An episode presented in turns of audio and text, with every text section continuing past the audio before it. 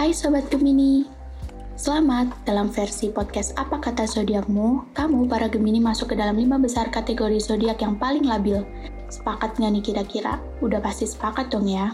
Anyway, kelabilanmu ini bisa berdampak buruk loh kalau udah masuk ke ranah kerjamu. So, kamu harus bisa lebih bijak dalam mengambil keputusan ya. Percintaan untuk Sobat Gemini Lovebird hubunganmu dengan pasanganmu kayaknya sedang baik-baik aja ya. Kalau urusan menjaga komunikasi, emang Gemini jagonya.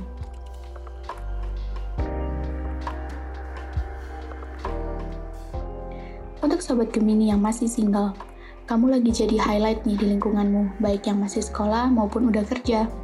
Jadi nggak usah kaget kalau banyak yang ngajakin kenalan.